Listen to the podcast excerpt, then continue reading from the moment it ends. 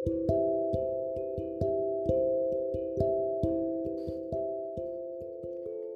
itu di mana gue bener-bener ngajuin surat pengunduran diri gue. Satu hal yang gue lakuin di luar nalar gue. Yang gak juga sih, sebenarnya udah lama banget. Gue ngerasa bahwa gue kayaknya udah gak mampu lagi buat ada di situ. Bukan karena siapa pun, tapi memang kayaknya gue butuh istirahat deh dari semuanya.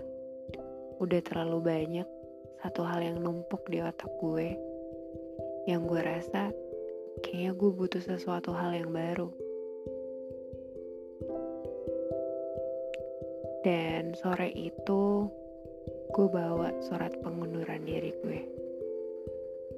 Banyak orang yang gak nyangka, bahkan menyangkut pautkan masa lalu.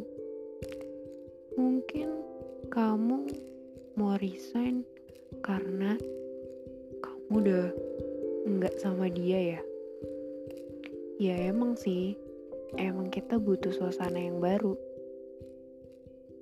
tapi bukan gitu alasannya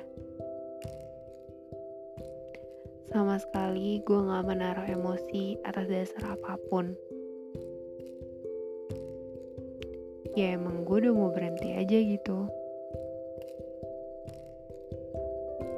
Cuma gak banyak orang tahu aja kalau apa yang gue lakuin sekarang itu ya itu suatu keputusan yang udah gue pikir setahun yang lalu. Bahkan teman-teman gue bilang, ya kenapa sih cepet banget? Kenapa sih gak bilang aja? Kenapa sih gak nanti aja?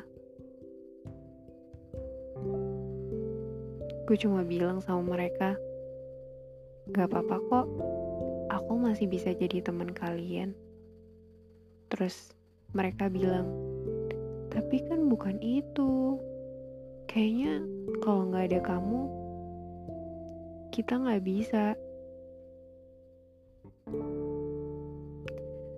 Aku cuma bilang,